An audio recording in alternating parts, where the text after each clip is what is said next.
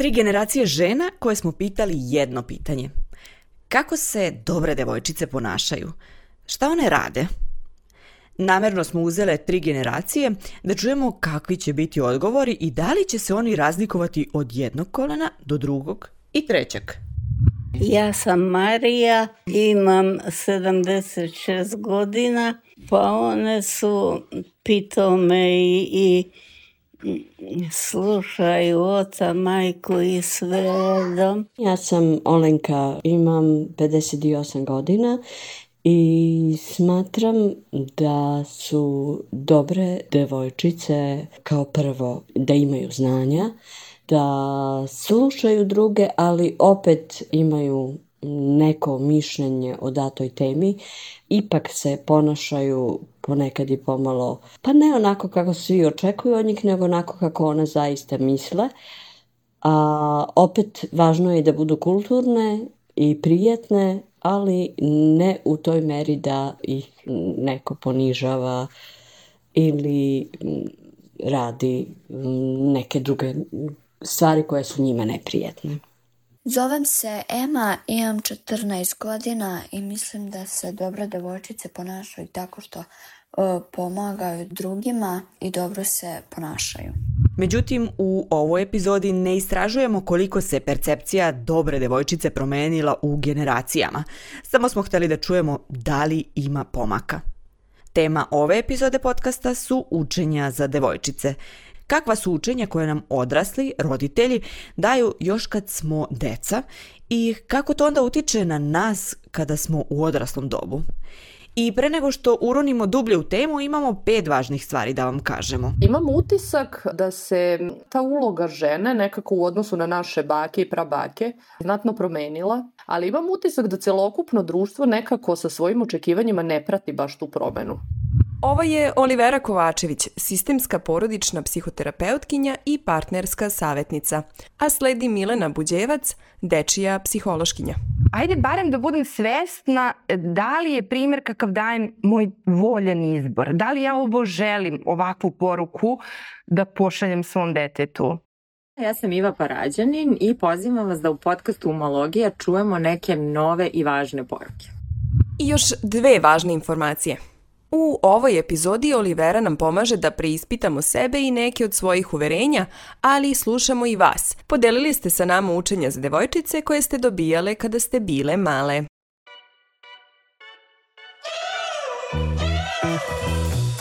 Slušate Umologiju, podcast u kom želimo da napravimo nove drajvere, putanje shvatanja i razmišljanja, poimanja sebe, svojih misli i emocija, ali i osoba i sveta oko nas, da preispitujemo kako naša svakodnevnica utiče na dobrobit pojedinca. Da budemo dobro. Ja sam Aleksandra Bučko, a sa mnom u ovoj epizodi slušate još i novinarku Sanju Đorđević eto, da postave sebi pitanje u kojim situacijama očekujem od sebe da budem, pa onda, ne znam, pristojna i lepo se ponašam, pa drugo je lepa i doterana, pa brižna, pa i na svoju štetu, poslušna, ne budem ambiciozna, pošto nekada i u tom smislu sebe znamo dok očimo, ljubazna, a ljuta sam, i uh, prosto samo navesti situacije pored toga. I onda sebi postaviti pitanje zašto to očekujem. Da li to želim ja ili neko očekuje od mene? I mislim da, da kada razumemo uh, uzrok, odnosno razumemo suštinu zašto smo nešto do sada radili, onda tek možemo da menjamo. Onda tek može, možemo nekako sebi da, da objasnimo i da osetimo neko olakšanje ako to ne uradimo. Jer zapravo mi sad nismo ta mala devojčica. Prosto možemo da biramo. Nekada smo zavisili od, od roditelja, od porodice i tako dalje. Sada više u odrasloj dobi ne zavisimo. Odgovornost za svoje ponašanje imamo samo mi. I ako postavimo sebe ovo pitanje vidimo da dosta toga uopšte uh, odgovor nije zbog sebe, onda tek možemo da menjamo. A šta bismo drugo uradili? Kako bismo se drugačije ponašali? Šta bismo sebi dopustili? Ponovo smo čuli Oliveru Kovačević, psihoterapeutkinju, koja je podelila sa nama neke cake kako bi mogli da vidimo da li ono što verujemo jeste u sistemu naših vrednosti ili smo to usvojili bez nekog pogovora. Odnosno, kao što ćemo čuti i u podcastu malo kasnije, e, pomaže nam da zastanemo i da preispitamo svoja uverenja. Možda je to upravo način da radimo na sebi i da ta uverenja promenimo ako nas sputavaju. A kako dolazi do tih uverenja? Roditelji, roditelji i odrasli. Roditelji treba da vaspitavaju svoju decu, treba da ih nauče kako da prolaze kroz život i ovde u podcastu Umologija smo uvereni da većina roditelja želi da nauči svoje dete da bude nešto što poznajemo u našem društvu kao dobar čovek ili žena. Roditelji preuzimaju ključnu ulogu u učenju svoje dece o pravilima ponašanja. Oni postavljaju standarde, određuju šta je dobro ili loše i tako oblikuju osnovne vrednosti. Porodica se često smatra najvažnijim faktorom u formiranju ličnosti, gde roditelji igraju ključnu ulogu u oblikovanju stavova, vrednosti i mišljenja svoje dece. Oni prenose na decu svoje znanje koje su stekli, ali isto tako i ono koje su usvojili od svojih roditelja i drugih odraslih u njihovoj okolini. To znanje ponekad može da bude ograničavajuće. Želeće da im deca budu i da odrastu dobre, vredne, poštene i poslušne osobe, pružaju im poruke koje mogu da ih ograniče i kako misle i kako se ponašaju. Poruke koje nam roditelji, ali i drugi odrasli šalju mogu imati značajan uticaj na formiranje ličnosti dece. Poruke odraslih oblikuju emocionalni, socijalni i kognitivni razvoj deteta. Svakako, nisu sva deca ista i različite deca mogu reagovati na iste roditeljske poruke na različite načine. Kontekst poruka kao i ukupna porodična dinamika takođe igraju ključnu ulogu u formiranju ličnosti. Uzajemna komunikacija i podrška unutar porodice ključni su faktori za zdrav emocionalni i psihološki razvoj dece. Ali prvo da popričamo malo o društvu i sistemu. Oni utiču na to koje poruke nam odrasli šalju i zbog čega. Sistemska porodična psihoterapeutkinje i partnerska savjetnica Olivera Kovačević govori jednu veoma važnu stvar – Svet se promenio. Žene su se promenile, ali očekivanja od žena, pogotovo u društvu, ne prate tu promenu. Imam utisak da se ta uloga žene nekako u odnosu na naše bake i prabake znatno promenila, da smo se, ovaj, znam, trudom, eh, radom i zalaganjem izborile za, za ovaj, neke stvari, odnosno da se naša uloga dosta promeni, ali imam utisak da celokupno društvo nekako sa svojim očekivanjima ne prati baš tu promenu. Odnosno da, da još uvek postoje neka očekivanja kao u, u ovaj stara vremena od žene. Na prvom mestu bih rekla da, da i dalje postoje očekivanja od žene e, da prvenstveno bude majka i da se njena vrednost ogleda kroz tu ulogu. Naravno u ovim e, ovaj, uverenjima koje ste vi naveli, odnosno porukama, postoji taj deo ovaj, da, da, da žena prvo mora biti majka, pa onda e, često verujem da su i vaše slušateljke i slušalci ovaj, e, mogli da čuju od nekih svojih dali ovaj, ljudi iz porodice ili okruženja pitanja kada misliš da rađaš ili pusti karijeru kada će beba ili tako neke poruke, prosto imam utisak da taj pritisak koji društvo uh, vrši na žene ne dozvoljava ženama da odaberu odnosno da, da odluče da li žele ili ne žele da budu majke. Da niko umesto nje ne odlučuje, nego samo ona. Još jedna važna informacija koju Olivera deli nije direktno povezana ka porukama koja deca, pogotovo devojčice, slušaju od roditelja i odraslih, ali sigurno utiče na to kakve poruke roditelji šalju deci. Imam utisak da je još od davnina sa time da je muškarac glava kuće i onaj ko odlučuje, donosi odluke u kući, jel? E, nekako mu je dato uh, i pravo da radi uh, u, kući šta želi. Odnosno, odnosno da, da prosto time pokazuje svoju dominantnu ulogu. A ženina uloga u tom smislu porodično može i da se okarakteriše kao uloga nekoga ko trpi i ko svoje potrebe stavlja na poslednje mesto zarad toga da bi porodica opstala. Ako u tom smislu gledamo jedan partnerski odnos, odnosno jedan bračni odnos, možemo reći da tu postoje neke disfunkcionalnosti, zato što ono što je potrebno da znamo jeste da za opstanak, odnosno za funkcionalnost jednog odnosa, su odgovorni i muškarac i žena. Nekako mislim da je, da je u toj priči to najvažnije, da žena ne mora da trpi, a da muškarac i tekako može da kontroliše, mislim kao i svaki čovjek, jel, samo kontrola se uči, može da kontroliše svoj, svoje uh, ove impulse, afekte i emocije. Stižu i učenja za devojčice uskoro. Ostanite uz umologiju.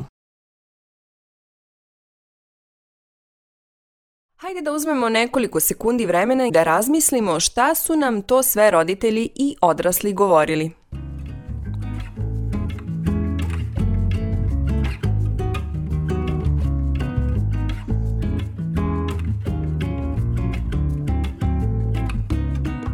Ja se sećam, e, ne budi tako glasna, ne moraš uvek ti, što se guraš, vidi kako su ti noge u modricama kao da si dečak. Tu su i prekrsti noge, obuci haljinu, hajde da budeš lepa, daj joj tu igračku, ona je baš želi, a ti ćeš se igrati posle, za lepotu mora da se trpi, poljubi tetku, teču, babu, dedu, oni te vole, uvredit će se ako to ne uradiš, devojčice se tako ne ponašaju. Sa svim tim izrazima, a ima ih pregršt, šalju se poruke o vrednosti osobe, želja, o tome kako je potrebno ponašati se kada mi kao osoba vredimo. I sve te poruke utiču na nas u odraslom dobu. Da vidimo kako to može biti. Briga za druge je važnija od vlastitih potreba. Ova poruka može potaknuti osjećaj krivice kod devojčica kada izraze svoje potrebe ili žele da postave granice. Budi tiha i slušaj. Može rezultirati nedostatkom samopouzdanja u izražavanju sobstvenih mišljenja i stavova.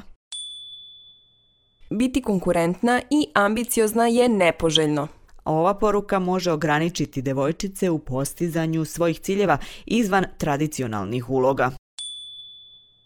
Savršenstvo je ključ uspeha. Ovo može stvarati pritisak za postizanjem nerealnih standarda i smanjiti samopouzdanje. Tvoja vrednost je određena spoljašnjim izgledom. Fokus na fizičkom izgledu može uticati na samopouzdanje i samoprihvaćanje. Budi uvek pristojna i lepo se ponašaj. Ovo može rezultirati potiskivanjem vlastitih osjećaja i potreba kako bi se udovoljilo očekivanjima drugih. Psihoterapeutkinja Olivera Kovačević dodaje. Nekako imam utisak da je ženama dosta u detinstvu od strane e, važnih odraslih branjeno da osjećaju neke emocije. Naprimjer, time, e, ne znam, ljubazno znači uvek se žrtvovati za drugi ili e, budi uvek pristojna i lepo se ponašaj, budi tiha i slušaj. Nekako kao da postoji neka zabrana na ljutnju. I onda kasnije kada žene sazreju, jel, e, i ne dozvoljavaju sebi da iskažu, iskažu ljutnju, onda se dešava da često žene koriste jedan stil u komunikaciji koji je u stvari pasivno agresivan i takođe ima dosta i psihosomatike upravo zbog tog potiskivanja ljutnje. Ima još jedna poruka koju smo često dobijali od odraslih. Učili su me da kada se nekom dečaku sviđam, da je normalno da pokazuje bes i agresiju i da me vuče za kosu i tuče. I dalje mi nije jasno koja je logika iza toga. Na taj način možemo da normalizujemo loše partnerske odnose i kreiramo uverenje da ljubav zaista tako izgleda. Ovo je poruka koju smo dobili preko našeg naloga na SpeakPipe-u. To je naš način da i vas aktivno uključimo u podcast Dumologiju. Da čujemo vaša mišljenja, ali i utiske. I veoma lako funkcioniše. Odete na link koji nam stoji u profilu na našim mrežama i snimite poruku. Možete ostaviti vaše ime, prezime, mail, a ne morate kako god želite. Mi te poruke, kao što ste i sada čuli, uključimo u kreiranje podcasta i hvala vam što se uključujete.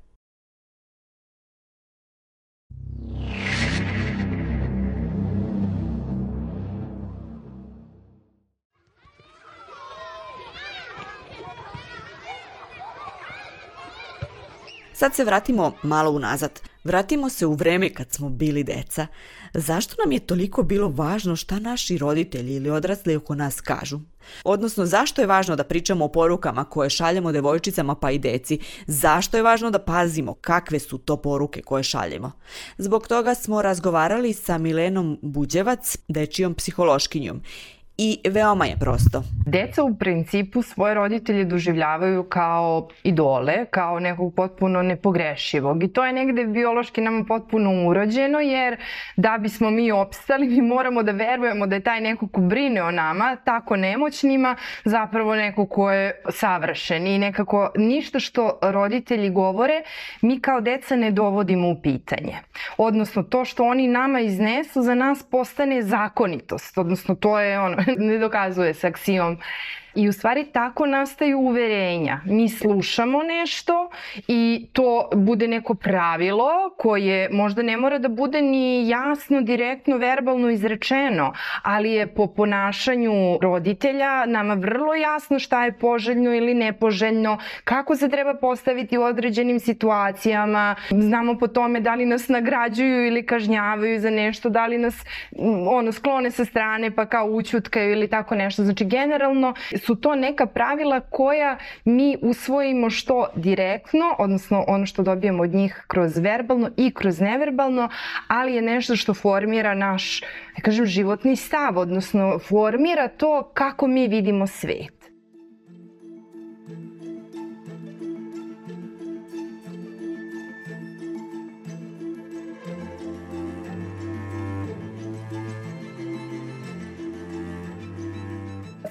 Tom svešću koliko su naše reči kao odraslih osoba upućene ka deci moćne jeste nešto što bih voljela da roditelji i uopšte odrasli jer ne formiraju stavove deci samo roditelji već je tu i vaspitači, i učitelji, javno mnjenje ono što do dece dođe i kroz crtači i kroz razne druge bake, deke i tako dalje.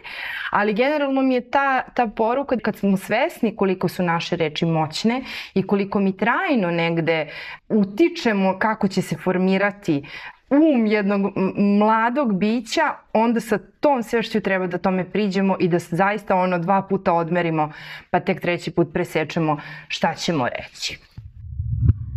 Milena objašnjava i kako nastaju ta uverenja.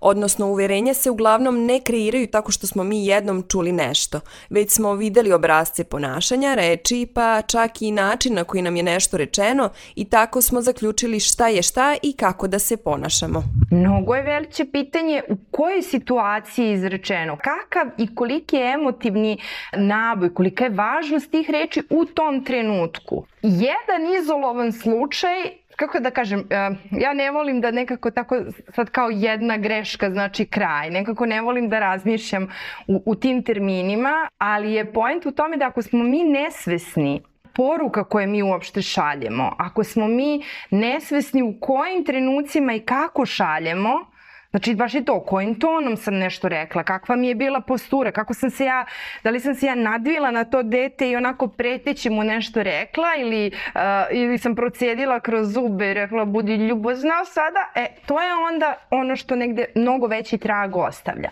Ali veći ponder, ajde da tako kažem, od samih izrečenih reči ima to kako se ponaša najčešće istopolni roditelj. Mislim, negde je identifikacija sa istopolnim roditeljem veća, u zavisnosti od uzrasta, ali da sada ne ulazim u detalje, ali generalno, ono, gledaš kako se mama ponaša, tako se ponašaš i ti. I onda se to negde vremenom usvaja. Nijedno naše roditeljsko ponašanje se neće sad jedan na jedan, ja sam ovo rekla i to sad ovaj, dete odmah nauči, usvoji i to je tako zacementirano. To se najčešće ponavlja u različitim situacijama, različitim kontekstima I onda kad dete shvati da je to zapravo upravo to neka pravilnost, neka doslednost stoji iza svega toga, onda se to ukači kao aha, ok, ovo sada postaje pravilo po kome se ti o, ponašaš. Tako da nije to jedna rečenica, nije to jedan izolovan slučaj, nije to, vrlo često nije to čak ni jedna osoba jer upravo ste i krenuli tako kulturološki nekako da posmatramo stvari i tome, jer ka, tako kako se ponaša moja mama, vrlo verovatno se ponaša jako slično i moja baka. I moja druga baka i možda čak i moja komšinica ili, e, to, je, to je onda ovaj poenta da, da negde jedno biće, a sad pričamo o devojčicama, u svoju stvari gleda i onda te podatke sve negde sažima i na taj način usvaja. Meni je odmah u glavi izgovor pa šta, ima samo godinu ili dve, ne razume šta pričam. Zato sam upravo to i pitala Milenu. Kako se kreiraju uverenja? Jeste, uverenja se menjaju, ali koji je period kada ih usvajamo? Milena mi je objasnila da to prvenstveno zavisi od razvojnog zadatka deteta. Nije isto ako mi o važnosti učenja i rađenja domaćih zadataka govorimo o detetu od dve godine i od sedam. Naravno, utiče to i na dete od dve godine jer prosto odrasta u toj određenoj klimi, hajde da to tako kažem. Ali neće imati baš toliki uticaj kao kada to pričamo sa detetom koje je pred polaskom u školu ili je već krenulo. Ali te neke bazične stvari o životu, ta neka, da kažem, percepcija kako ja vidim svet, kako ja doživljavam, da li su ljudi dobri ili loši, da li je ovaj svet bezbedno mesto, koje je moje mesto u svemu ovome, to ono čuveno, da li ja vredim, da li sam jel voljiv i tako dalje, znači to negde samo poštovanje, ono sržno, taj doživljaj o sebi kao biću se formira jako rano. I stoga je odgovornost roditelja da rade na sebi u tom smislu zato tako velika. Jer ako je mama neko ko je strašljiv, ustukne pred svakim mrkim pogledom ili ne znam, ono, ljubaznošću nekoga, onda je velika verovatnoća zaista da će nekako dete koje se ogleda u majčinim očima, u stvari shvatiti iz njenog ponašanja i njenog pogleda, aha, ovo nije bezbedna sredina. Aha, kad se mama, na primjer, u komunikaciji sa drugim ljudima, aha, ona se povlači, nije tako opuštena, aha, onda ovo nije mesto u kome sam i ja treba da budem opušten. Tako da te neke bazične stvari se formiraju u, u prvim godinama života, znači to prve, dve, tri, četiri, zaista negde ono što je Jerotić stalno pominjao, ono kao to prve tri su ključne, eventualno prvih pet, kao tada se volite, budite dobri i ostalo. Stavovi i uverenja se i teka, mislim, ono, naopako da ne mogu da se menje, stvarno bi bilo velika šteta, da je to o, jedan irreverzibilan proces, ali je point u tome da, jel, sve se to da negde promeniti, ali je ono što kažu, lakše je podići zdravo dete i bolje nego popravljati, jel, kasnije ovaj, odraslog čoveka.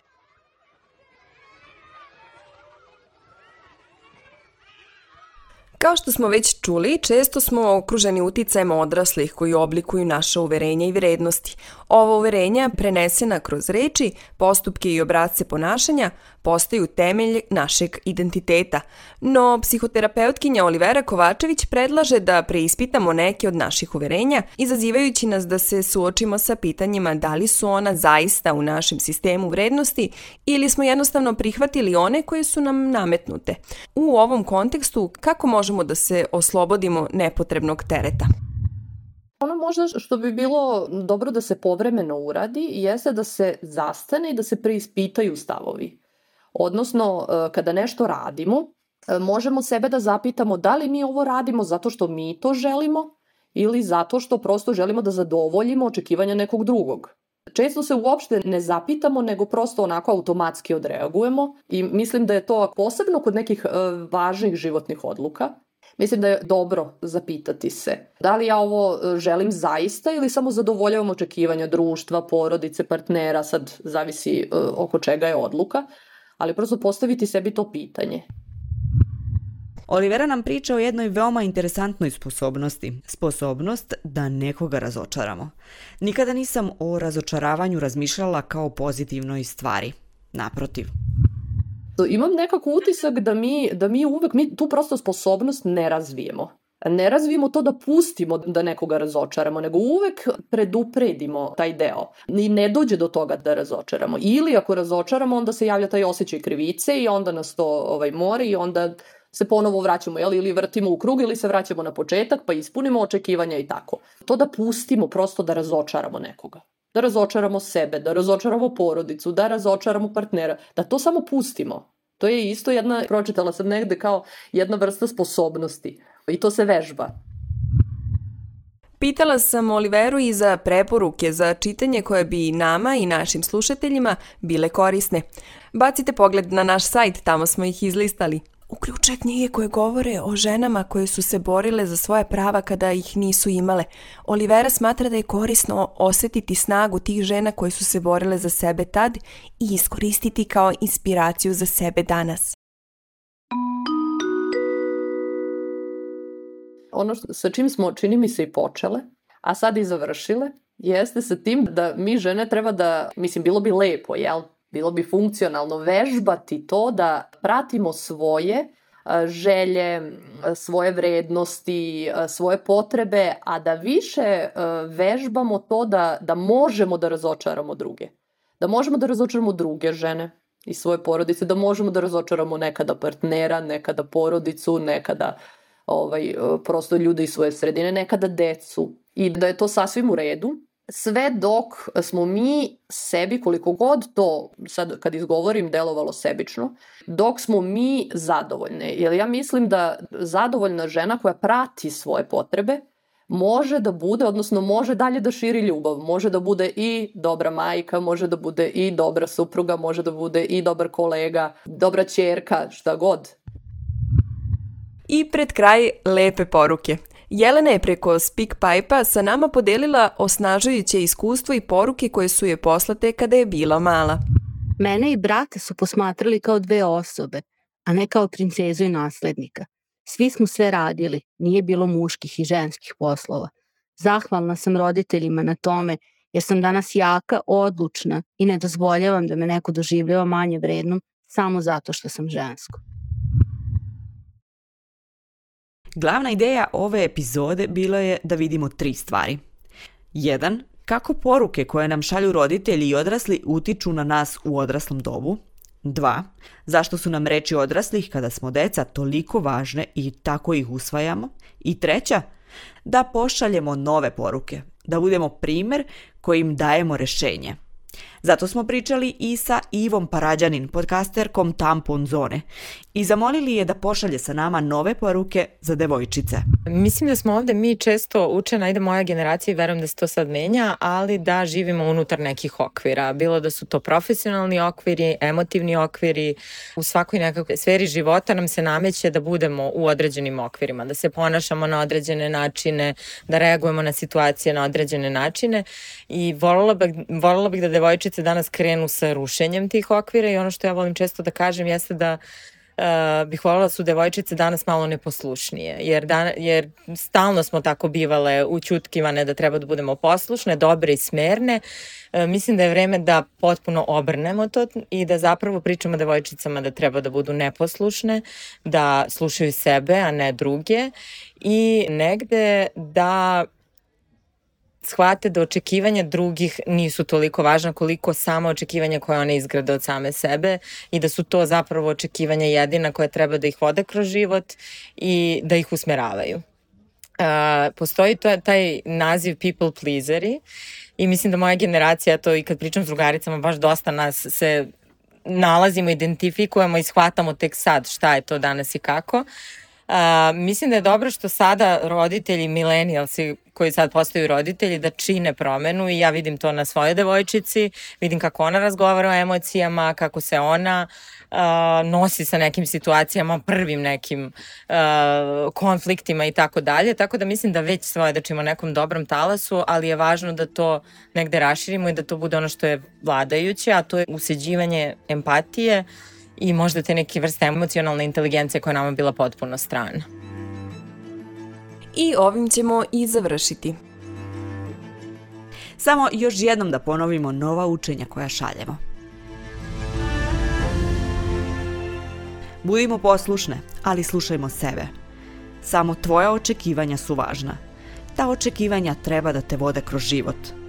Razvijajmo empatiju i emocionalnu inteligenciju i slušajte podcast Umologije i podelite sa osobama kojima će biti od koristi. Čekamo vaše utiske na našim mrežama, pišite nam i snimite nam poruku na SpeakPipe-u, zaista nam je stalo da čujemo vaša razmišljanja.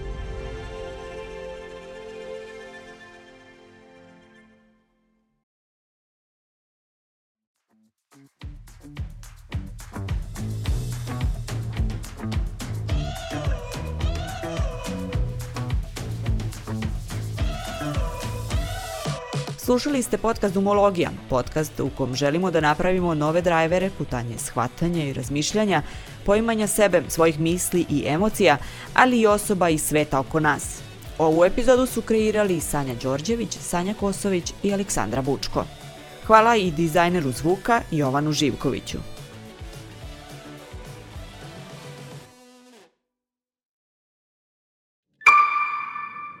Produkcija Fabrika kreativnosti